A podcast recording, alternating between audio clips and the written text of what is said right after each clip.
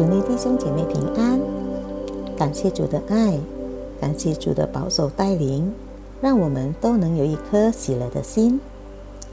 今天的门徒灵修曲之余读经运动，主题是上帝的喊话筒。阅读经文是希伯来书第二章。我们一起低头祷告，亲爱的天父，我们满心感谢你。感谢主，让我们享有从你而来的平安喜乐。现在我们要聆听并思想你的话语，求主帮助我们都能够明白你的话语，遵行你的话语，借着你的话语，使我们的信心更坚固。感谢主，祷告奉主耶稣基督圣名祈求，阿门。上帝的喊话筒。在各种国际会议上，例如联合国通常所举办的，翻译的存在并不令人感到陌生。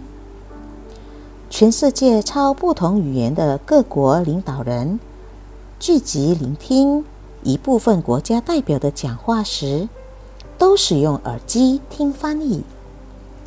翻译所担任的角色极为重要。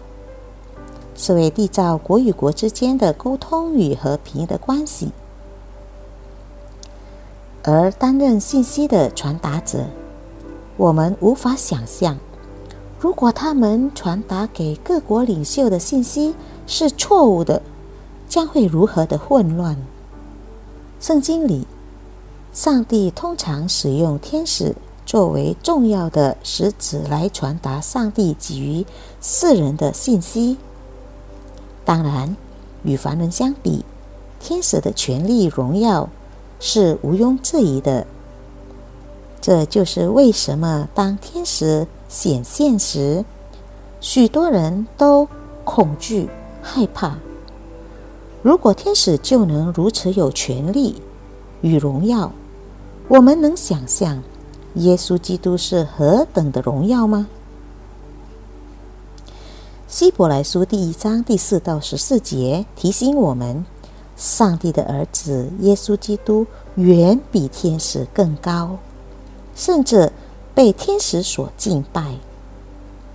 希伯来书做一个比较，使我们能将主耶稣摆在应有的位置。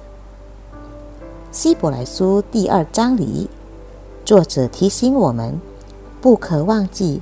上帝在整个人类历史上所传达的重要信息，就是救恩的信息。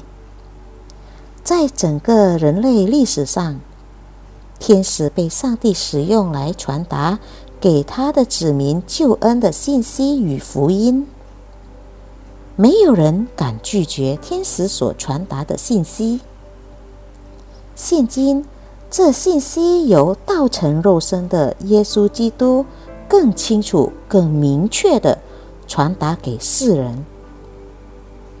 耶稣基督成为大声呼喊的上帝的喊话筒，他的呼喊大声到这位比天使更高的上帝的儿子，甘愿在他成为人的样式的那一瞬间，比天使更低。上帝要我们不忽视来自他的救恩信息。我们必须时刻记得，我们是何等有罪。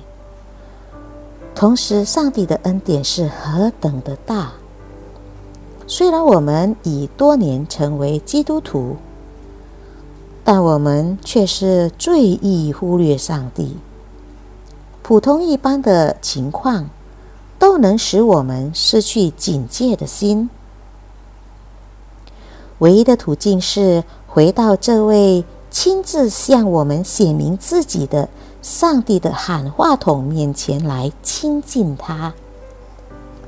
我们一起祷告，亲爱的主耶稣，我们满心感谢你，感谢你成为我们的救赎主，感谢你的恩典，求主帮助我们。